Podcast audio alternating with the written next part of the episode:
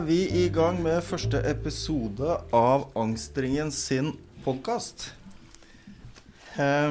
vi tenkte vi skulle lage, prøve å lage en liten serie med podkast fra de gamle traverne, som jeg kaller det, i Angstringen.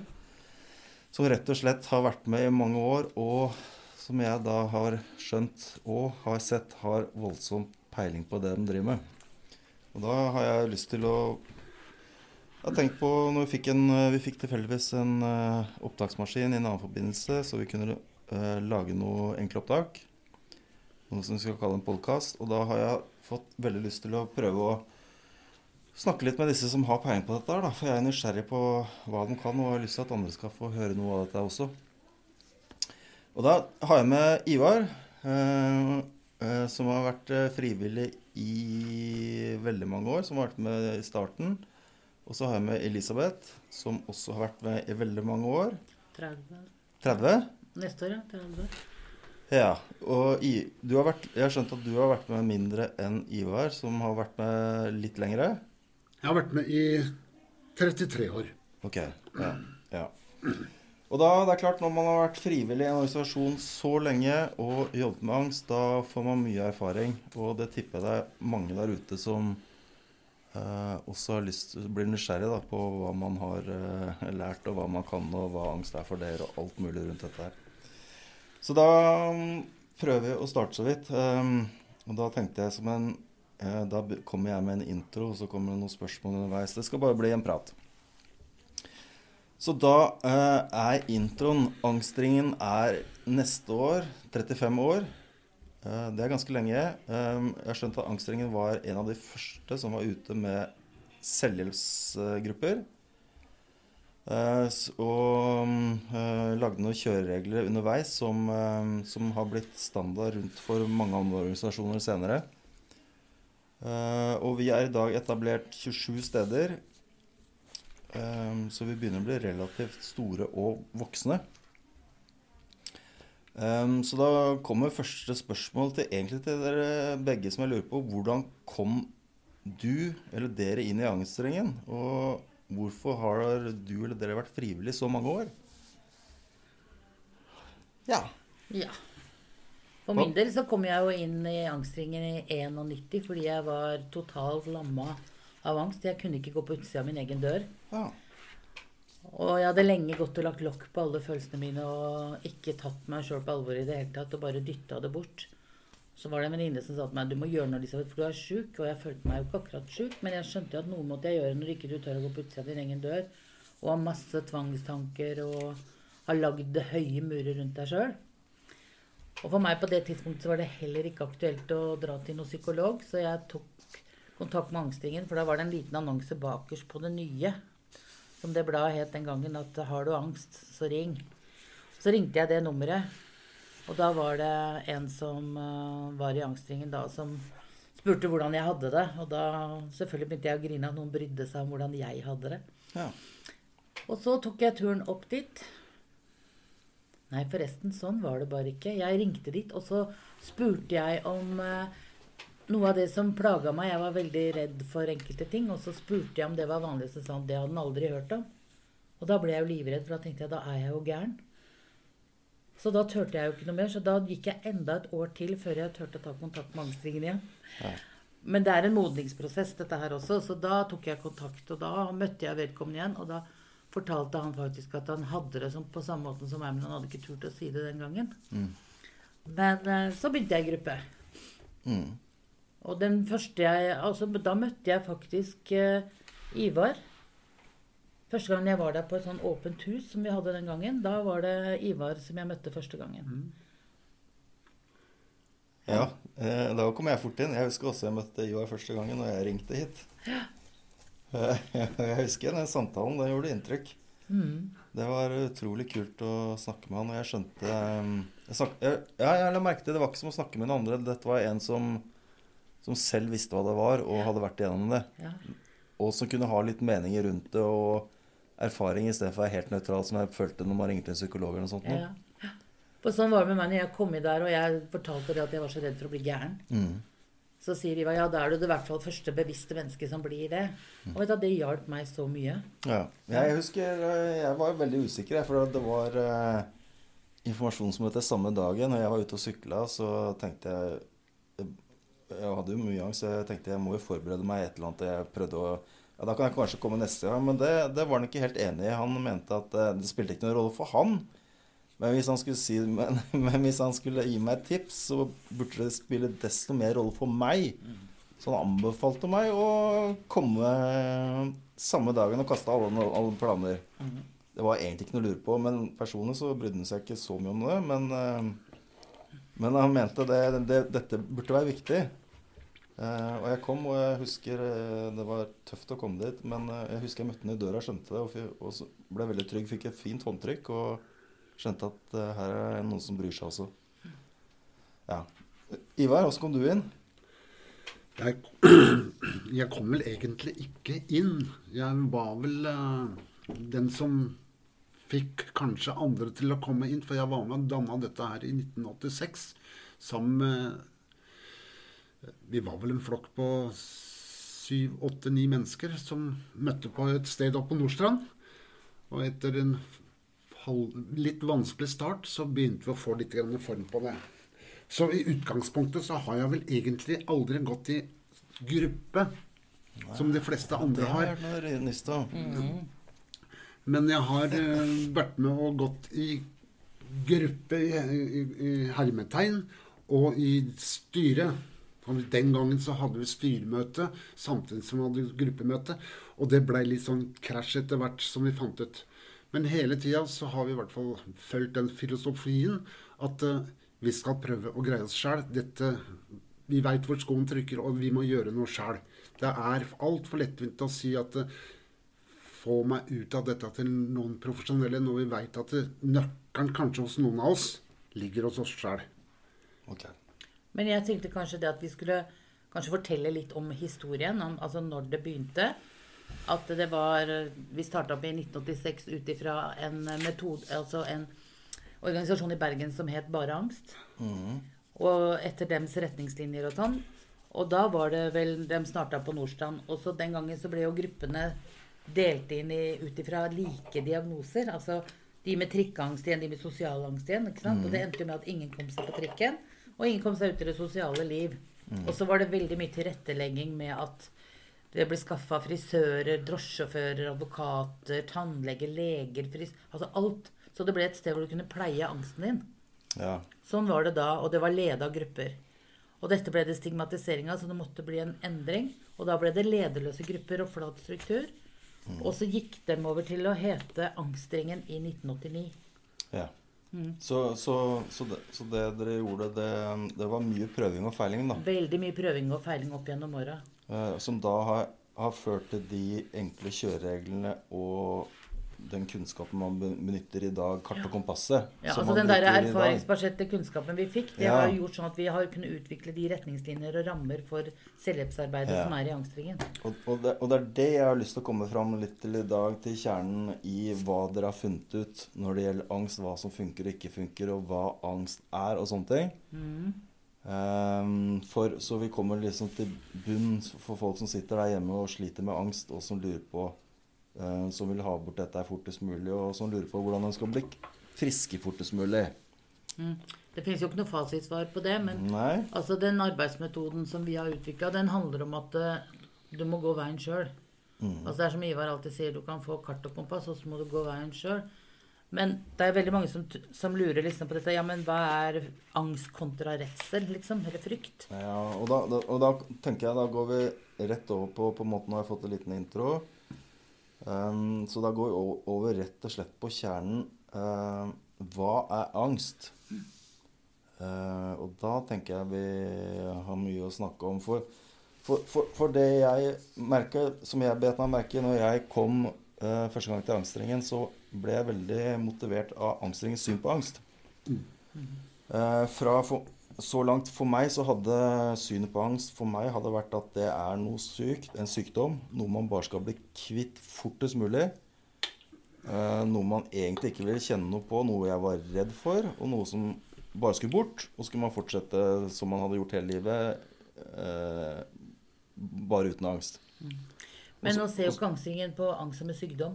Nei. Men snarere en tilstand du kommer i når du ikke tar deg sjøl på alvor. Ja, Og da begynner Men, det å bli spennende. Ja, for vi sier jo det at eh, vi tar ikke fra noen å føle seg som sjuk når det står på som verst. Mm. Men vi sier heller ikke at det ikke kan føre til sykdom om du ikke gjør noe med problemet ditt. Mm.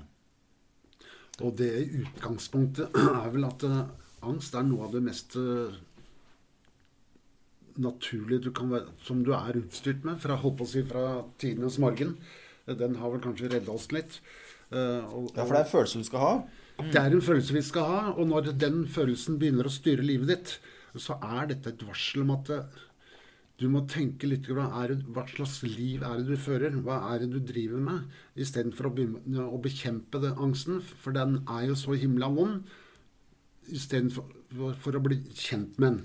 Ja. Så det vi alltid har gjort, det er at uh, kanskje vi skal ta, akseptere den følelsen. ja. Og at noen av oss er mer følsomme enn andre, slik at vi må kanskje ta mer hensyn til oss sjøl. Og det er et langt lerret å bleike, for den tar litt tid. Men inni denne si, prosessen som vi er på det, det, det, punktet da, når vi begynner å bli kjent med oss sjøl, så skjer en del ting. Og det kan slå både positivt ut, og det kan slå negativt ut. Jeg opplevde i hvert fall at uh, hos meg så slo det veldig negativt ut. Men dette var helt i begynnelsen, og vi hadde vel da et menneske bak oss som var fagmenneske, og han sa ingenting. Så vi måtte tråkke denne løypa sjæl, og da endte vi ofte med, med, sånne møter hvor vi sa nå har vi gått i grøfta, men vi skal opp igjen. Mm. Og så var det noen som også sa jeg ser ikke lyset i tunnelen, men det er andre som ser den. Og i det samarbeidet så greide vi å, å krabbe oss litt framover inntil vi fant ut den formen vi har, mer eller mindre har den dag i dag. Mm. Og nå må det vel kanskje si så at uh, vi opplever nok det litt enda, at uh, vi tryner litt og går, tar noen feil steg. Men vi gjør alltid noe riktig.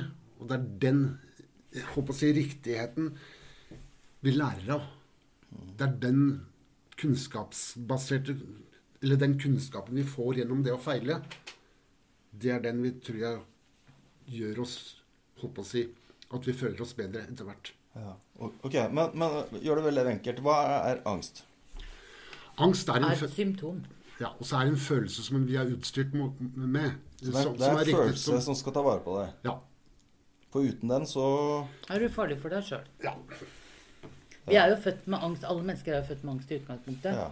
Og har vi ikke den, så er vi jo til fare for oss sjøl. Og det er jo mange som trosser denne her angsten og, og sier at de ikke har angst. Altså, det er jo folk som hiver seg utfor stup, som gjør drastiske ting. Som skulle ikke tro de hadde angst. Men det er den dagen når det hindrer deg i hverdagen, at du slutter å gjøre de daglige gjøremålene dine. Det er da du må begynne å gjøre noe. Men ellers så skal du ha den derre hverdagsangsten. For ja. den er på en måte at den Det er som de sier, altså frykten, den, den uh, tar vare på deg. Altså den beskytter deg. Ja, mens så, angsten, den hindrer deg. Ja, så, så, det er en følelse som skal være der for å ta mm. vare på deg. Mm. Men det kan helt klart bli mye av den for ja, mye av. Og det er den dagen det blir for mye av. Når den opptar hverdagen din at eh, f.eks. Du, du går ikke utafor din egen dør fordi at du frykter det som er på utsida av døra. Da begrenser den deg. Ja, da begrenser den deg. leve det livet du vil. Ja, da blir det hemmende angst. Ja. Ja. Og da må du gjøre noe. Det er da du må gjøre noe. Men, men, men, eh, men som jeg skjønte når jeg kom inn i angstringen, eh, det er også noe informasjon i angsten. Den er ikke bare noe som kommer helt ut av det blå og er bare noe som skal bort. Det kan være et signal om noe. Det kan være informasjon der. Ja, det er et signal om at det, du kanskje tar ikke hensyn til deg sjøl. Det kan være et signal på at uh, du har et livsmønster som ikke er bra for deg sjøl. Mm. Og den, det livsmønsteret kan jo være så enkelt at du er såpass snill i forhold til andre at du blir et ja-menneske. Ja. Mm. Du kan være en årsak at du har mista noen som du har hatt veldig nær tilknytning til. Uh, du kan ha en traumeopplevelse. Mm. Eh, altså Du kan ha veldig mange sånne opplevelser her som kan utløse en angst på sikt. Og når jeg spør ofte folk om de har opplevd noe tilsvarende, eller du tar ikke hensyn til deg sjøl, så får vi veldig ofte Vi stiller nesten de samme spørsmålene til hvert enkelt menneske, og vi kjenner nesten svaret på forhånd. For vi har opplevd det sjøl. Ja, Så hva er svaret på forhånd? Så det er disse, ofte disse ting du nevner nå, da, som er noe man har gjort en mønster gjennom livet, da, som gjør at angsten dukker opp? da? Kan hende at det der ligger der. For andre som har tyngre psykiske diagnoser, så er jo ikke angstringen det rette stedet å være. Da er det det offentlige helsevesen. Men for de aller, aller fleste så er det livsmønsteret vi holder på. Altså, vi jobber i vettet av oss. Vi stresser i hverdagen. Vi tar ikke hensyn til oss sjøl, men til alle andre. Og når vi stiller de spørsmåla, så får vi de svara veldig, veldig ofte. Du kjenner meg faktisk like godt som jeg kjenner meg sjøl, men jeg har aldri sett deg. Ja. Men det handler jo ikke bare om det. For jeg tror det Det er jo veldig mange organisasjoner ute der som er tilrettelagd for oss som sliter i hverdagen. Og det er alt fra spiseforstyrrelser, selvskading, selvmord, altså rus. Og det er mange måter å gjøre det på, så jeg kunne sikkert vært deltaker i de fleste av de organisasjonene. Men jeg sier for det er mange måter å ruse seg på, skade seg selv og være spiseforstyrra på. Men jeg tror at i bunnen av alle disse problemene så ligger en grunnleggende angst eller mangel på eller veldig lav selvfølelse. Mm. Og det er, tror jeg, gjenganger for oss alle som sliter med en hemmende angst i hverdagen. Det er den lave selvfølelsen. Og det er den vi jobber med. Og det er det der som gjør at ikke vi ikke våger å si nei til ting. Fordi at vi er redd for ikke å bli spurt igjen eller ikke bli likt. Ja. Men, men uh, vil det si at uh, um, ja, angsten, den, den uh, Hvis man har mye angst, da, så er det signal om et eller annet. da. Mm. Må man da begynne å gå på skattejakt da, for å prøve å finne ut hva det signalet er? For, for det, det angsten står jo der og ja, En alarm som står og uler, da, på en måte. Det er ikke så lett å, å, der og da å vite hva man skal gjøre annerledes, eller hvorfor han står på.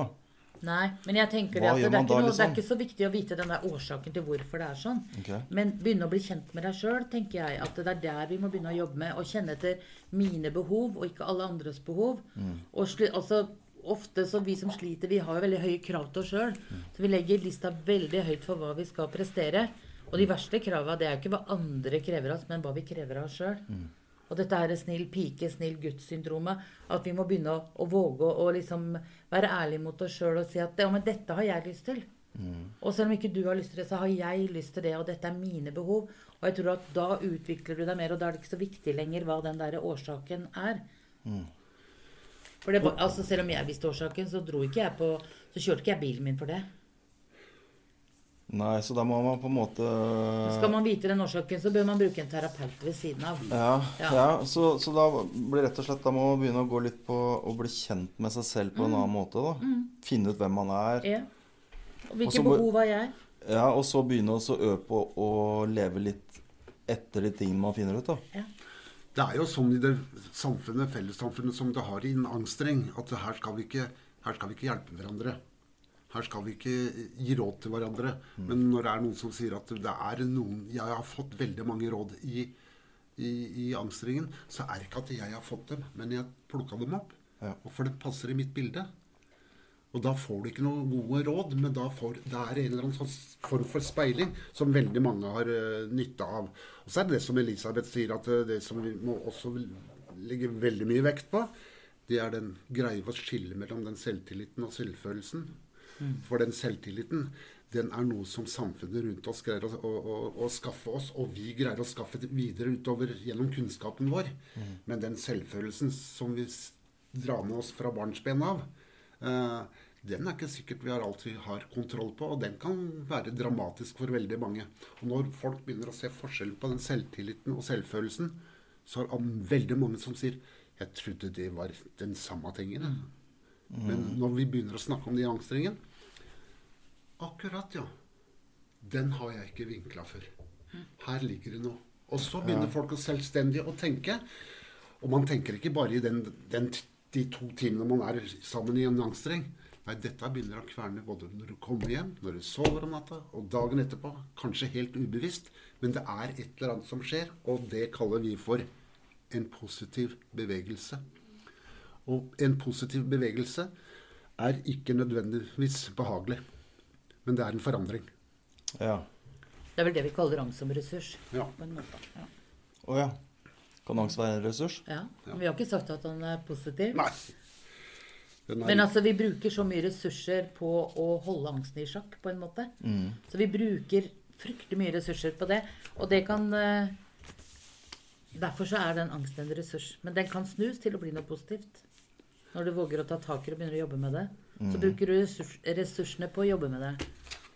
Ja, så man frigjør mye krefter og ressurser på eh, på, på å um, ja, Som man har brukt før på å holde, holde det borte Ja. sjakk, på at man får til å gjøre andre ting. da. Frigjør mye krefter. Ja, ja. Nå er vi vel inne i den eh, tankebanen at vi har alltid trodd at en eh, ressurs er noe positivt. Men det behøver ikke nødvendigvis å være en eh, positiv ladet sak. Det kan også være noe negativt i, i en ressurs. Altså du bruker kreftene dine, du bruker eh, kunnskapen din på noe negativt hele tida. Uten å bryte ut av den, så blir den ressursen negativ. Mens vi i utgangspunktet i samfunnet tenker på ja, det er en ressurssterk person, og det er positivt. Ja. Men vi ser litt annerledes på det.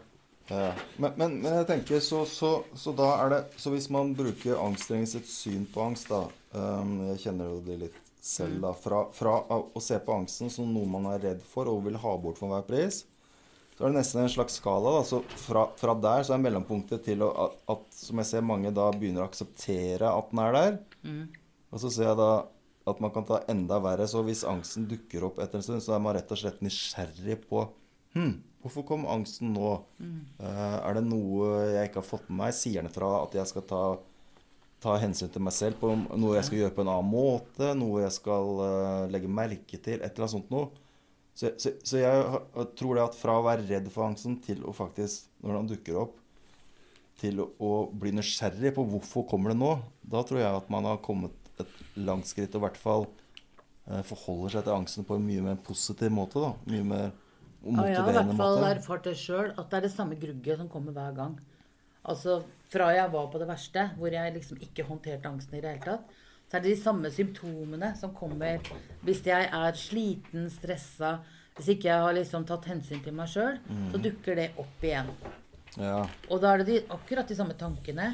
Akkurat det greia. Men jeg er ikke redd det lenger, for jeg har blitt kjent med det. Ja. Og vet hva det er, så jeg kan håndtere det på en helt annen måte. Men, men klarer du også å bli nysgjerrig på det? Skjønner du hva jeg mener? At man Ja, da, jo, jeg skjønner det at du, jeg kan bli nysgjerrig. Hva, er dette for noe nå? Ja, hvorfor- og hvorfor kommer det nå? Og det klart jeg tenker hver gang. Og da er det, det liksom det på, på at man blir nysgjerrig på hvilken informasjon er det som ligger bak. da. Mm. hvorfor dukker angsten opp nå? Men jeg tror det er veldig individuelt fra person til person hva som ligger bak. Og, Ja, ja. Hva, altså Det må du jo finne ut av sjøl. Og er det viktig på liksom, hvorfor du kommer For jeg tenker det er viktig at du, når du har blitt kjent med deg sjøl og begynt å håndtere disse tankene og følelsene og sånn, så klarer du mer å akseptere dem for at sånn er det faktisk. Sånn Mm. har jeg det. Jeg har lært meg, jeg har ikke blitt kvitt angsten, men jeg har lært meg å leve med den, så nå er jeg ikke redd lenger. Men, basen da i å gå i en gruppe, det kjernen i selve arbeidet, er det da å bli kjent med seg selv? da? Ja. Ja, Bli kjent med seg selv og våge å være ærlig mot seg sjøl. Ja. Våge å være til stede i livet sitt. Altså, ofte så er det jo sånn ikke sant, at vi lever kanskje en dag foran, eller vi planlegger alltid neste ting når vi sitter et sted. At vi, og i en gruppesammenheng også, så er det veldig lett sånn å flykte ut. Men altså så kjenner vi ikke etter hvordan vi egentlig har det med oss sjøl. Men det er jo det som er essensen med en gruppe. sånn at du skal våge å være til stede i øyeblikket, som vi sier. da. Er det her og nå? Ja, det er her og nå. ja. Altså Øyeblikket er faktisk det viktigste tidspunktet vi har i selvhjelp. Mm. Og Det handler om det å være her og nå, og da ikke bekymre seg om det som har vært, eller som kommer til å bli, eller hva du blir, og hva folk blir, f.eks. når vi sitter og prater her nå. Hva de opplever at Oi, dette kjente jeg meg igjen i. Dette ble jeg berørt av. Mm. Dette ble jeg lei meg for. Dette ble jeg glad for. Og at vi kan gjøre det til vår opplevelse og sette ordet 'jeg' foran, f.eks. Så kan vi si at jeg blir, jeg opplever at, når vi sitter i gruppene. Og da er det min opplevelse som ingen kan bestride, for den er bare min. Og det, det tror jeg gjelder alle mennesker, om du er i gruppe eller ikke. Men innafor den gruppa så er det liksom et sånn derre angstspråk da, som vi har utvikla med at når du setter jeg til stede, så blir du både til stede her og nå. Og sier vi mann eller ren, så blir det jo veldig generelt. Og jeg sier mann sjøl mange, mange ganger. Og glemmer meg liksom sånn. Men sånn er det. det. Du må øve på det å sette Og det er det du skal bruke i gru- i gruppen også. Å øve deg på det. Våge å være til stede her og nå. Det vil da kjenne på sine behov, sine følelser, Mm. eh, uttrykke sine ønsker. Ja, våge å si nei. Ja. Tenk på det, våge, altså, tenk på hvor mange ganger vi er med på, i hvert fall. Jeg sjøl har blitt med på så mye som jeg egentlig ikke har lyst til. For å Ja. tilfredsstille alle andre. Og for at jeg har vært så redd for ikke å bli likt, og, ikke, og for at jeg skal bli såra. ja. Ikke sant? Ja, Da fant jeg en veldig ja, Bare, bare, bare fortsett. det. Men er- det er, Og det, det, For det, det der er enn å våge å stå og si nei til ting du da ikke har lyst til, og stå i den usikkerheten som det utløser. ja. Så hvis du kan legge til øh, ja, for, da, det, det for der fant jeg en som eh, Det var uh, Ja, men hvis Vi tar den, vi er inne på noe viktig nå, som når Elisabeth snakker om å våge. For å kunne våge noe, så må du også tørre noe. Og den, det å tørre, noe. nei, ja, tørre å si fra. Og det i en sånn, i sånn setting så er det veldig viktig at uh, Drive og kjenne på det ubehagelige. Og si det til andre som sitter der. Hvis du har f.eks. er uenigheten kommet fram som sånn dynamisk sak i en gruppe, våge å tørre å si fra. Og våge å være til stede med seg sjøl. Ja, hva det gjør med deg. Hva det gjør med deg, og ikke hva det gjør med de andre, men hva, hva slags følelse velter opp i, i meg.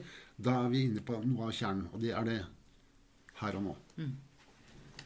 Ok, Så da er det rett og slett å tørre å stå for noe også, da. Og tørre å si ifra om noe som er bra for deg.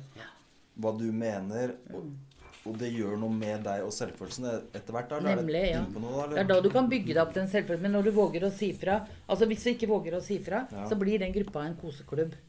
For at ingen våger Ja, da snakker jeg generelt i livet, ja, liksom, Ja, ja, sånn generelt i livet. At du må våge å si fra. Og du må melde dine egne behov, for at folk kan jo ikke være tankelesere. Det er spennende. Ja, Du må sjøl si fra om hva jeg har jeg gjerne vil, og hva jeg vil oppleve, hva jeg har behov for. Og det gjelder jo om det er gruppe eller partnere, arbeidslivet, hvor som helst. Så er det sånn. Ingen kan lese tankene dine, så vi må sjøl si fra. Ok, Så da er det et eller annet at når man gjør det noen ganger istedenfor å for Det er fort gjort å tenke at eh, ja, jeg kan svelge en kamel her, Ja, en her, sant? en her. Ja. Man blir jo godt likt. Man blir jo et eller annet, man blir en diplomat. Ja. Men eh, som jeg har skjønt, hvis man gjør det 2000 ganger et eller annet, så vil det kanskje på en eller annen måte påvirke selvfølelsen din i lengden. da. Ja. Og det er da disse her symptomene kommer også, fordi du ikke tar deg selv på alvor. Så legger du lokk på dine egne følelser, og så kommer det angstsymptomer istedenfor. Og det er kanskje viktig å informere Ja, for da Nå må vi Nå, må vi, nå er vi vel rett inn på alt når Mm. man alltid leser om psykoterapi og gutta Mm. historiegreiene, så er det Da er man inne på sånn at man legger lokk på egne følelser, og så da Det kommer er da utslag i symptomene angst. kommer. okay. Ja. Og da kommer angst. Da kommer, ang- da kommer den er hemmende angsten. Ja. Men det, Mm. det, det, det For da får du symptomer, og det er jo like mye symptomer på den angsten som det er mennesker. Ja. Ikke sant? Om du, vil, om du får tvangstanker, som jeg fikk, eller om du får panikkangst, du er redd for å svime av, du får dødsangst, altså pustevanskeligheter Men, men de tingene, alle de forskjellige, tror dere kommer av at man på en måte ikke har um, stått opp for seg selv på en eller annen måte? da? At man ikke har Det mesteparten tror jeg kommer fra det om det ikke er traumer. Altså, Ja. ikke sant? Vi ja. har jo andre mennesker som har opplevd traumer, overgrep, sånne ting. Som gjør at det også Men det også handler jo om igjen at det er selvfølelsen og alt er brutt ned. Og så må begynne, begynne å bygge opp igjen. Så da blir mye av arbeidet blir å først finne ut hvem på en måte Kanskje man blir litt kjent med seg selv, og så i tillegg begynne å leve litt ut etter det. Og da rett, ja, et eller annet sånt noe, da. For Ja. å bygge opp en selvfølelse. Ja, altså våge å tå, altså Når du sier ifra for eksempel, om en ting, og så våge å stå i det og tåle det. Ja, for det er det dere snakker om. Du må jo også Ja, for du må tåle å stå i det. Og ikke, ikke sant, Hvis jeg sier noe til deg, hva jeg opplever eller hva jeg blir, og så rører det på deg, og du blir ja, men, ja, men, ikke sant? Så må jeg tåle å stå der og ikke si ja, men det var ikke sånn jeg mente det. Men jeg må tåle å være til stede i det jeg har sjøl sagt. Når jeg har vært ærlig mot meg sjøl. Og jeg tror kanskje at du må gi nødvendigvis noen opplevelsen av å bli såra. Når jeg er ærlig mot meg sjøl, når jeg sier ifra, så er det ikke ment å såre noen andre, men gi andre opplevelsen av det. Ja. Men da har jeg i hvert fall gjort noe for meg sjøl og stått opp for meg sjøl. Og tålt det, og så har jeg kommet meg litt videre med meg sjøl. Ja. Nå skal vi huske på det at eh, det, det blir jo brukt mange forskjellige ord på tilstanden sin. Eh, og det er noen som sier at de er nysgjerrig på hva som skjer. Eh, andre bruker ord som eh, Jeg undrer meg litt. Grann, uh, fordi den som er eksperten her, og den som har svaret, de er ikke den som går i gruppe sammen med, det er du sjøl som er de deltaker i den gruppa. Det er her du, du finner ut hvordan du skal gå fram. Og så er det ofte det, da. Uh, sånn at vi, når vi begynner å slippe oss løs litt i forhold til følelser, og, og, begynner å tørre å våge å bli litt mer modige i forhold til seg sjæl, så kan vi hende Og dette, dette, snakker vi veldig mye om. Så kan det hende at man får en økt følelse av angst. Og den forklarer vi veldig ofte at det er ganske vanlig. Det er ikke noe uvanlig. Og prøv å stå i det mens det holder på som verst. At jeg går jo i en angstring for å, bli, for å bli bedre. Men jeg har jo en følelse av at jeg blir verre. Og når vi har fått snakka veldig mye om det, så, og, og, greier å komme over den Hva skal vi kalle den toppen der, så virker det som Det er min egen erfaring, og det er veldig mange andre. Så begynner det å gå bedre. Da blir angsten gråere. Men dette opplegget som vi driver med, det er ikke mynta på alle. Det er vi sier ca. sånn 80% Men kan, kan, jeg bare få ta tak i ja, liksom det du sa der med at når det blir verre For du har jo hatt en sånn fin eh, tankegang på det der. ikke sant? Vi har jo lagt lokk på alle følelsene våre. Og når vi begynner å jobbe med de og begynner å skrelle av den løken ja. ikke sant? Og det er klart at det, eh, når du begynner å skrelle opp en løk, så lukter den jo verre også. Men da blir jo følelsene dine verre òg. Som du begynner å få opp og Du begynner å kjenne på dem istedenfor å legge lokk på dem. Og det er klart at det smerter. For en eller annen gang må vi jo ta det. Så skal vi bygge dette opp igjen, da, når det ligger lag på lag på, for å mm. komme oss gjennom det. Og dette er sånn eh, ja, det, er veldig, det er veldig viktig for oss å si at dette er ikke noe quick fix. Dette tar tid. For enkelte, sånn som meg sjøl, tok det mye lengre tid enn kanskje gjennomsnittet tar. Og det må vi bare forberede folk. Og det tror jeg stort sett deltakere er eh, obs på. At dette er ikke fort opp. Nei, for man skal vel snu da gamle mønstre som man uh, har levd med i veldig mange år. da, Og gjøre ting kanskje på en litt annen måte. da. Det er klart det tar tid. Og så må vi jo skjønne det at det er vi selv, oss sjøl vi må endre. Ikke alle de andre. Hvis, ja. For vi er vant til at hvis du gjør sånn, så får jeg det bedre. Mm. Men det er jeg som endrer innstillingen til meg sjøl. Mm. Og hvordan jeg gjør ting, og hvordan jeg tenker ting. Mm. Så ikke snu det over på andre. Liksom at, at, jeg må gjøre tingen sjøl. Mm. Ja, da bare tenke på sånne veldig enkle ting som hvor mange mennesker der ute er ikke som har sånn må ha steinkontroll. Det må ha kontroll. Ja. Hvor mange der ute er ikke som må ha denne tryggheten? Uh, veldig avhengig av det trygt, som er kanskje en naturlig tenk. Men tenk å våge seg inn i, i tilstander hvor vi føler utrygghet. Ja, for det, for det, for det hører jeg dere snakke om, noen ganger. Um, tørre å slippe opp litt på, på, på trygg, eller kontroll. Ja. Mm. Jeg leser et eller annet sted at definisjonen på angst er å prøve å, å, skape kontroll over noe som egentlig er umulig å få 100% kontroll over. Mm. Det er klart, Prøver du å, å, bruke all tid og krefter på, på å minske usikkerhet eller eh, eh, kontroll, så er det klart, da, da, har du et stort prosjekt og, og noe du kan bruke enormt mye krefter på. Så prøve å kontrollere noe som, som ikke egentlig i bunn og grunn kan kontrolleres. Og det meste i livet i bunn og grunn kan egentlig ikke kontrolleres. Det er et usikkert prosjekt. Men det er jo gjengs for alle som kommer til angstringen, at vi har et forferdelig kontrollbehov. Mm. Og vi er livredde for å miste den kontrollen. Men hva er å miste kontroll? Ja. Ikke sant? Det husker jeg jeg var veldig redd for. Og så så jeg en dame som mista totalt kontrollen. For jeg var jo som sagt redd for å bli gæren og miste helt besinnelsen. liksom sånn. Og så tenkte jeg, var det noe farlig da? Det var ingen som la merke til henne. Mm.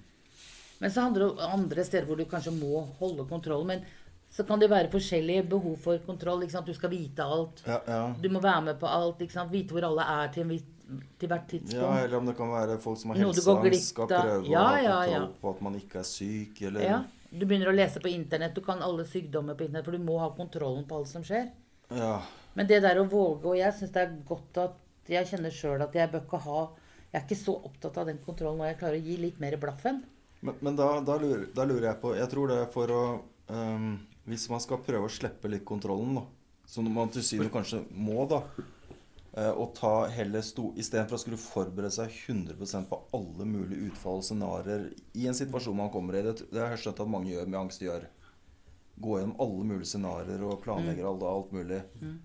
Um, Gjerne på forhånd. Ja, på forhånd. Ja.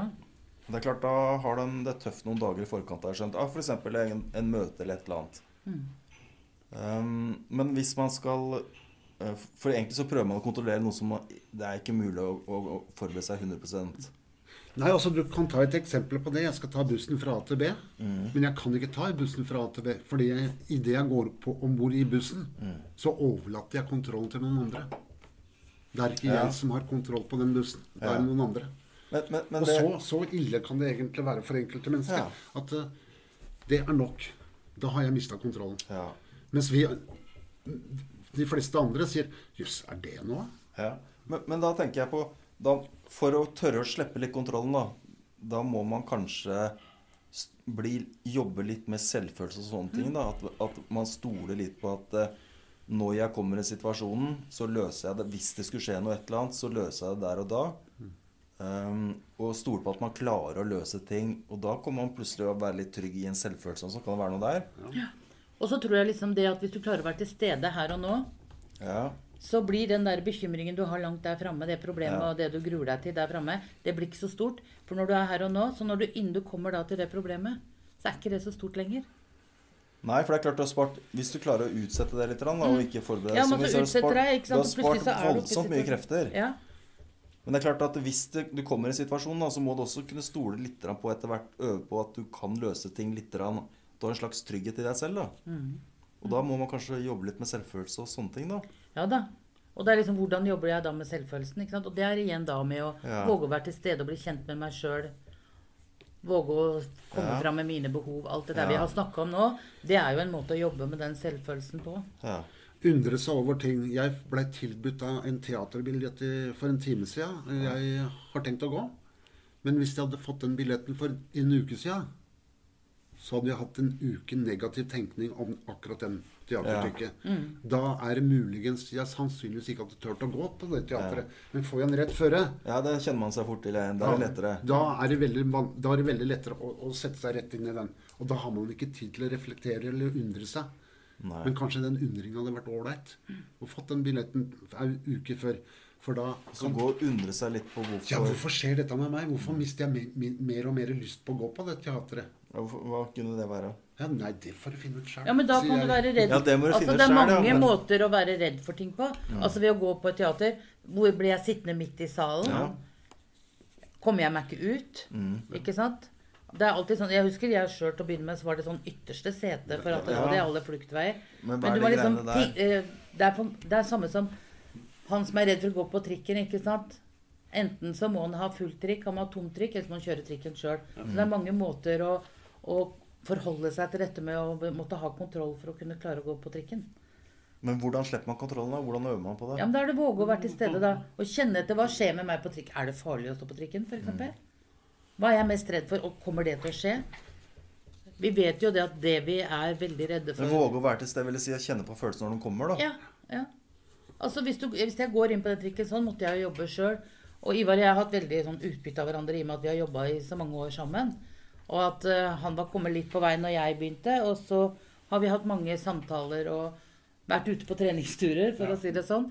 Men, eh, men uh, jeg tenker det at uh, det, det der med å våge å være til stede i det og kjenne etter hva du blir i situasjonen, det kan hjelpe deg veldig. Jeg husker sjøl at jeg kjørte I og med at jeg var så redd for tunneler, så kjørte jeg ned den der Oslofjordtunnelen, nei, Festningstunnelen heter det, og stoppa bilen i bånn der og tenkte Hva er det som er farlig her, da? Oh, ja, da begynner vi å snakke innpå noe. Ja, da liksom sto jeg der, og jeg turte å stoppe bilen og kjenne Hva skjer med meg nå? Ja, Og er etter det så var jeg ikke redd lenger. Altså, det, den, det, den er heftig. det er, altså det Men da var det en vi husker vi, snak, vi snakket med en gang, som sa at uh, isteden da på når man er i tunnelen, vente på at man Kommer ut en, igjen, ja. kommer ut fortest mulig ut igjen, for da uh, er man kvitt angsten. Til Ja, er heller stoppe der nede og være til stede. Ja. Mm. Da er vi inne på noe virkelig ja. Men da er vi inne i det som er våge å kjenne på det ubehagelige Ja. og det vonde, istedenfor å dytte, Dytter det det bort. bort. ja. Og har du kommet så langt, ja. ja, da, er, da ser du lyset i tunnelen. Men ditt tar ei stund. Men, men, vil det da, men det vil ikke være sånn at det plutselig Når man sitter nede i tunnelen her, da, det vil ikke plutselig poppe opp eh, informasjon Angsten kommer pga. ditt og ditt og ditt og datt. Da er det mer å kjenne på Nei, da er det mer å kjenne på Er dette farlig? Mm. For... Også, men du kan selvfølgelig tenke for at det fins jo f.eks. den andre tunnelen som er Oslofjordtunnelen. da. Der har det skjedd Alle mine tvangstanker har skjedd inni den tunnelen. Det har gått lekk. Folk har, det har brent inn i tunnelen. ikke sant? Så der har jeg fortsatt problemer med å kjøre igjennom. For jeg tenker liksom at mm, her kan det skje mye. Men jeg gjør det. Ja. Ja, jeg gjør det. Og, og det er ikke bare for at jeg haster igjennom, men jeg, jeg kjenner etter alt som kan skje. Men jeg gjør det. Og jeg, Jeg lar ofte, meg ikke hindre av den angsten lenger. jeg har ofte sagt til deltakere det at uh, hvis du greier å bevege deg fra A til B, så er det A trygt og B trygt. Men hva er midt imellom? Prøv å stoppe der. Og være til stede der. Se hva som skjer med deg. Og det er det samme som Elisabeth snakker om denne tunnelen. Det er liksom få fram den følelsen. For det, er, for det er min egen erfaring at når jeg var lengst vekk fra det trygge, så kom angsten. Da var det like langt til B som var tilbake til da. Og da var utrygg, da var tryggheten min minst. Og da var det på vei til å miste kontrollen. da snakker vi om to ting her, på en måte. da. Er det da å Det ene er å tørre å, la, å kjenne på selve følelsen og la den være til stede. Og så er det det å bli nysgjerrig også på, på informasjonen inn, da. Hva som ligger bak. Det er nesten litt to forskjellige ting, da. Ja, det, er en sånn, en, det er en sånn tolkningssak som Ja. du sjæl må, må, ta stilling Ja. Til. for at da lurer jeg på liksom hva Hva, øh, øh, hva er som regel informasjonen i angsten? da? Hvilke temaer er det han spiller rundt, liksom? Er- Det kan jo være så det, individuelt, liksom. Eirik. Altså den der, Jeg vet du er veldig opptatt av den der Er det noe informasjon i den angsten? Mm. Altså Jeg har aldri tenkt det, men veldig bra at du tenker det. For det er din opplevelse av det. Og det gjør jo også at vi begynner å tenke litt nytt. Men, men eh, Om du kan bruke et annet ord på det også. Informasjonen. Altså Jeg tenker den derre informasjonen som sagt er så Ja, individuell. da, ja, ja, da tenker jeg liksom på om man ikke har eh, tatt seg selv på alvor, ikke har sagt Ja, nei ja. nok. Sånne ting tenker jeg på. Sånne klassiske temaer, da. Um, uh. Men du må bli, bli bevisst de tingene først. For det er sikkert altså, mange som sitter her ute som ikke er bevisst på det at jeg sier ikke Jeg våger ikke å si nei, ikke sant? At jeg er sånn snill pike-syndrom. Jeg vet ikke alt det der, men dette er jo sånn der, ting som vi har blitt bevisst med gjennom å gå i en gruppe i ja, nå, da. ja. Ja, ja, det, ja, det, er sånne, det er sånne ting jeg tenker på med, med, med informasjon, liksom. Ja, og det er jo derfor vi har informasjonsmøter. Er det fordi jeg ikke eh, sier meningene mine? Fordi jeg ikke sier mine behov? eh, Er jeg for flink pike? Det er sånne ting jeg tenker på. Da er det nesten, men, det, men det går i hop med å kjenne på følelsen og tørre å la følelsen være der også, da, på en eller annen måte. Altså Det er mye verre å ikke våge å ta fra den følelsen. For hvis du bare legger mer lokk på og står der, så får du enda mer symptomer. Og da kan jo ende med at du kan bli alvorlig syk. Men, men det vi skjønner her, da, som dere skal fram til, at eh, det er, det er lite fasesvar med to streker under svaret her. Alle er forskjellige, og alle må finne ut av det selv, gå sin vei. Jo, det, det må det, men fasit Altså, noe av fasiten er jo at det, det der å våge å bli kjent med seg sjøl, og våge å være til stede i livet sitt, og sine egne behov, Ja. og det der å våge å si ja til det du har lyst til ja. For det er jo fort gjort at vi kan si nei, jeg kan ikke, fordi at jeg har angst. Det kan bli en sånn sovepute-type. ja. For vi bygger oss opp et sånt platå, ikke sant? så Ja. fungerer vi her. Men utafor der blir det farlig. Ja. Og hvis vi våger å risikere vi, Når vi våger, så risikerer vi også noe, ikke sant? Og du kan jo til og med, jeg husker sjøl, våge å få det litt godt. Men hvor lenge varer det, da, før du går tilbake til de der gamle negative følelsene igjen? Mm. Men det der å si til seg sjøl at til tross for at jeg har den angsten, så kan jeg våge meg på det. Ja. Og ikke bruke det som en sovepute og si at nei, jeg kan ikke, for tenk om jeg får angst der. ja. Ja. For vi får jo angst for angsten. Det er jo det vi bygger oss ja, opp. ja. Under denne prosessen så er det veldig viktig å styre livet sitt i den retninga man selv ønsker. For uh, det som man kanskje hele tida har gjort, det er at man gjør det stikk motsatte. Uh, jeg gjør noe jeg ikke egentlig ønsker uten å tenke over det, og det er å flykte. Og det er å rømme unna situasjoner, for det er veldig mange av oss som har greid å oppbygge en viss trygghet i angsten. Det er vel noen som sier at eh, for meg så er det veldig trygt å ha denne angsten, for Ja. da veit jeg akkurat hva jeg kan gjøre. ja. Mens uh, gå utafor det A4-arket, det går ikke. Og Det var vel det prøvde å forklare med den der platået vi bygger oss Ja. opp. Så vi er verdens beste fangevoktere. Men hvis vi greier å styre livet i den retningen vi ønsker, mm. istedenfor å bruke alle de der fluktmulighetene vi finner på For når angsten kommer, så veit jeg at hvis jeg løper en kilometer, så går det litt bedre. Hvis jeg gjør det, avleder angsten, så blir det litt bedre. Jeg får ikke så vondt. Istedenfor å sette seg ned og si Hva skjer? Mm. Og det er, Gjennom den formen og den arbeidsmetodikken så blir vi kjent med oss sjæl etter hvert, men det tar tid. Det er ikke quick, quick fix. Nei, altså dette er ikke noe kurs. Nei. Sånn er vips, på tre uker så er du bra. Og det er heller ikke noe tilbud. Nei. Men dette er en mulighet for deg sjøl til å kunne ta tak i For vi tror jo at alle mennesker har iboende krefter i seg sjøl. Til å kunne ta tak i de og ta tak i livet sitt. For du må ta tak i livet ditt før ja. du begynner å ta tak i problemet. Ja. Og styre det i den retning du sjøl ønsker. Og da er vi fort over på selvhjelp, da. Ja, det er jo selvhjelpen der. ja. Mm. Mm. Så hører jeg som mange sier at, uh, um, at man blir med selvhjelp og møte andre i samme situasjon som ikke er eksperter, mm.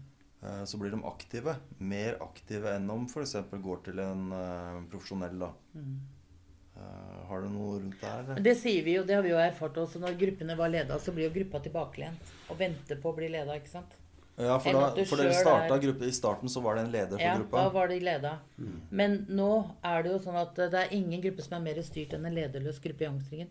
Da alle er sin egen leder og har sjøl ansvar for at du skal få utbytte av det, og at gruppa skal fungere. Mm. Vi har vel hatt et syn på den, den arbeidsmetodikken at for noen så kan det å være, gå i terapi og, og bli lene seg mot Da går du igjen det vi kaller for en passiv deltaker. Mm. I en angstring så må du lede deg sjøl, og da må du være en aktiv deltaker i eget liv. Og da går vi fra passiv Mottaker. Da går vi fra passiv deltakersituasjon og inn i en aktiv mottakersituasjon. Ja. ja nei, men det er, det er litt feil rekkefølge. Ja, ja. ja, for du går fra å være passiv mottaker til aktiv deltaker i eget liv. Ja. ja. Um, så, så, så, så, det er vel det som er liksom som man har funnet ut, og som jeg har møtt mange, mange føler at det er mye som skjer når man må finne ut at disse tingene uh, alene, eller sammen med andre da, som ja. ikke er eksperter også. Ja. For det er jo sånn at det, det blir For da må man finne svarene som er riktige for deg selv, og man må jobbe kanskje på en måte hardere, da. Og ting man eventuelt tror man finner på selv. Man snapper jo opp ting fra overalt. Mm det, det, synker kanskje litt dypere inn, da, på en måte, i et eller annet sånt noe. Og så tror jeg du må prøve å feile litt sjøl òg, på veien. Mm. At det er viktig at eh, Ok, så var det ikke det rette jeg gjorde nå. Mm. Så må jeg gå tilbake noen skritt, men du er stadig på vei fremover allikevel, liksom. Ja. Og jeg tror det at det der når, vi, når jeg forteller og deler min smerte i gruppa, ja. så vekker det en annen smerte som kjenner seg igjen på det. Og så speiler vi oss i hverandre. Ja. Og så veit vi jo det at den psykiske smerten vi deler, den vil jo svekke seg når jeg klarer å snakke om den. Ja. Mm. ja så delt uh, glede er dobbelt glede, og ja, delt uh, ja, Delt sorg er dobbelt sorg. Nei da. Nei, halv sorg. ja. Omsorg. Omsorg. Mm. Men uh, så um, Så det er selvhjelpen, da, rett og slett, at dere kom, kom sammen, ikke-profesjonelle, og ville prøve å ta tak i ting og løse noe selv? Ja, og alene sammen med andre. Altså Vi sier det alene, for det er jo du som skal få utbytte av dette. Du er der for ditt eget utbytte, ikke for ja. andres. Men dette kan du jobbe med. Altså Jeg kaller jo den der gruppa et treningsarena. Som du kan øve deg på alt det du har problemer med der ute i den store hverdagen. Det kan du øve deg på der inne. Ja, for da dukker det opp, som jeg hører dere sier hele tida, når det kommer noen til syvende og sist, er det du som har dine svar og ja. er ekspert på deg selv. Ja, ja. Hva, hva, tenker dere rundt det, liksom? Ja, men Det er jo det, det er du som kan noe om din egen angst. Det er ikke jeg som kan noe om din angst. Nei. Du kan bare dele ut ifra dine egne Men Det er fort gjort å tenke at man må til en psykolog for at han skal vite hva som er problemet ditt, eller din angst. Jo, men jeg tror mange misforstår det der bruken av psykolog også. at det sitter der, altså Vi har jo folk som kommer til angsten og sier 'jeg har gått i terapi i ti år', og ingenting har hjulpet'. Men det er derfra, derfra, igjen da du sitter og er en passiv mottaker igjen. Fordi at du venter på å bli hjelpa. Ikke det at du ligger på sofaen og venter på hjelp, men at du har vært i et system hvor du har venta på at andre skal gjøre jobben for deg. Ja. Men at folk må kanskje forstå at du må bruke en terapeut eller en psykolog som et verktøy ved siden ja. av at du jobber. Og hvis du skal lete årsak til hvorfor du har det sånn, så anbefaler vi da også en, en terapeut, i og med at ikke vi har fagfolk. Ja, ja. For det begynner vi å begynne å rote i hverandres fortid eller årsaker, så kan vi fort bringe fram tilstander eller reaksjoner som ikke vi kan håndtere. Det er viktig som blir sagt der. Vi skal ikke begynne å gå bakover. Nei. Og det er det veldig mange som syns er litt den, den, håper å si, den måten å jobbe på den, ja, Veldig ofte så blir det sagt ja, men det er veldig viktig for meg å få sagt det som har skjedd. Altså si det en gang, og så er vi ferdig med det. Men det er veldig mange som vil bli der istedenfor å være her og nå. Og Jo, men det er jo, det er jo viktig å bli kjent. Altså fortell, Ja. Delta litt i historien sin. Men ikke forbli en, som Ivar sier. Det er veldig mange som er lett for å Ja, men, altså, ja, men det er jo også forskjell på å være personlig og privat. ja. Men, men, øh, men helt sånn konkret, hva skjer i en gruppe, egentlig? Hva tenker du da?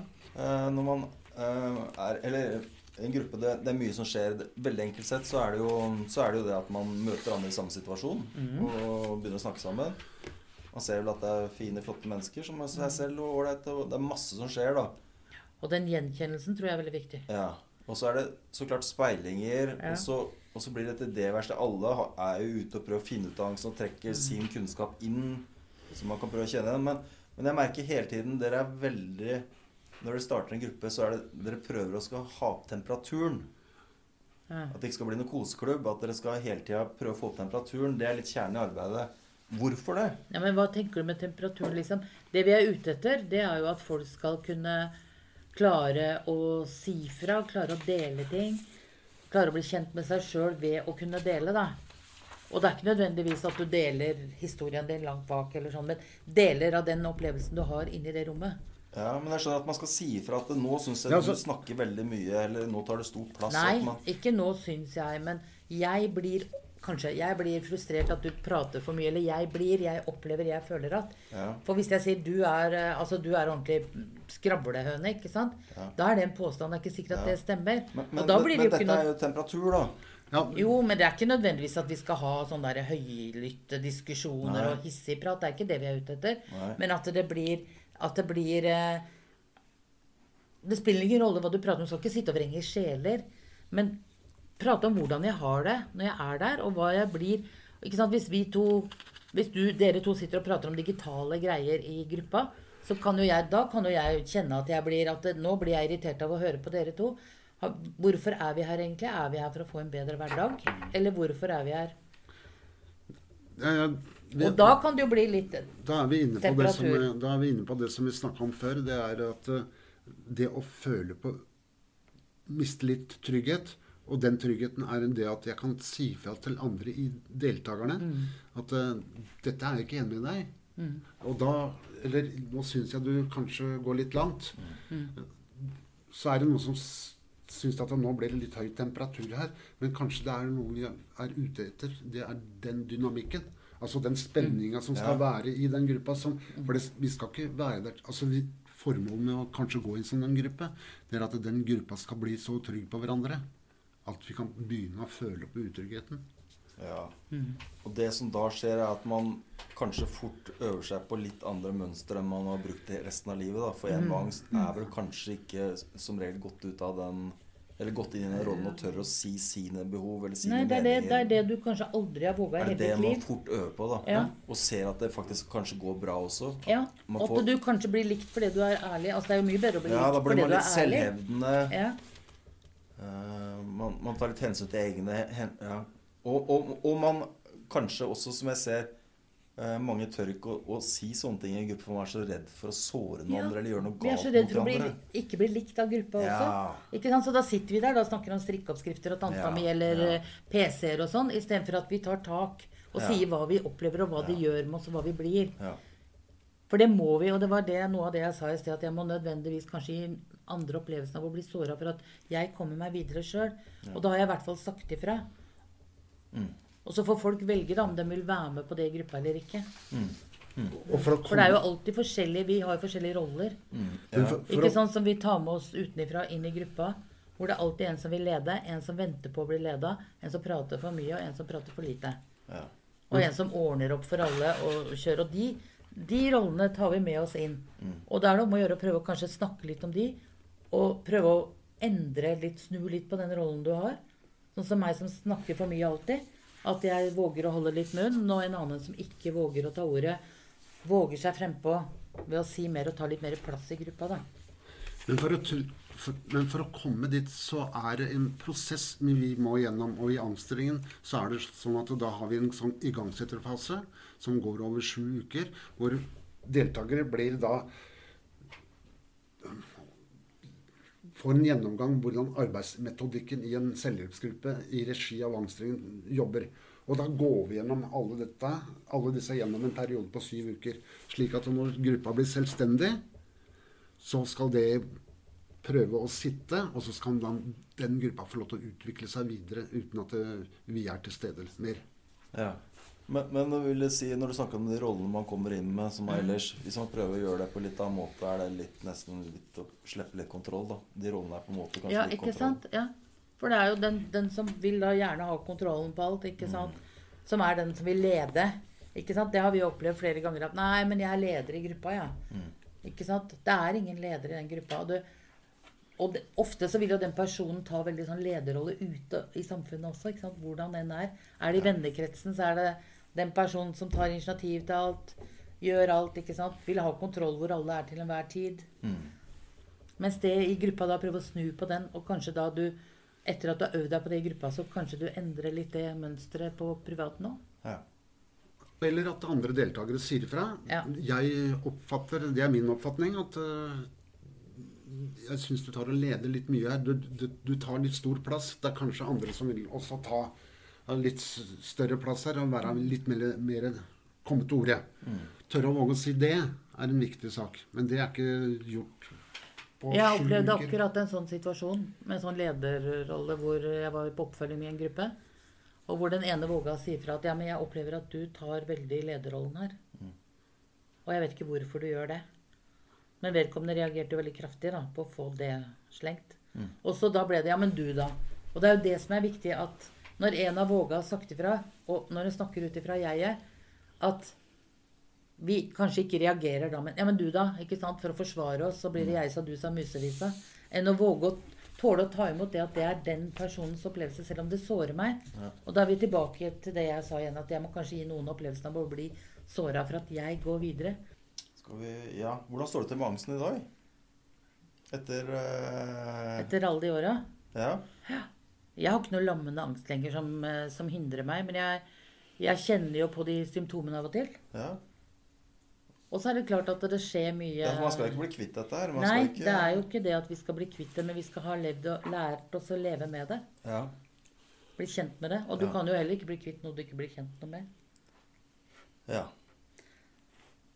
Så jeg har ingen hemmende angst. Men jeg har de samme symptomene med tvangstanker og sånn. Men jeg er ikke redd dem. Ja. De er der og surrer, men uh... Ja. Så kan jeg bli litt urolig i nye situasjoner, kanskje, som ikke jeg er kjent i til jeg blir kjent i den situasjonen. Ja. Enn du? Nei, altså, Når det gjelder meg og angsten min, så er det vel den Jeg har vel den naturlige angsten som jeg skal ha. Mm. Som, jeg, som, er fornuftig og sunn. Uh, men jeg tror nok det å gå i en sånn angstring Det er vel kanskje derfor vi har holdt på så lenge òg.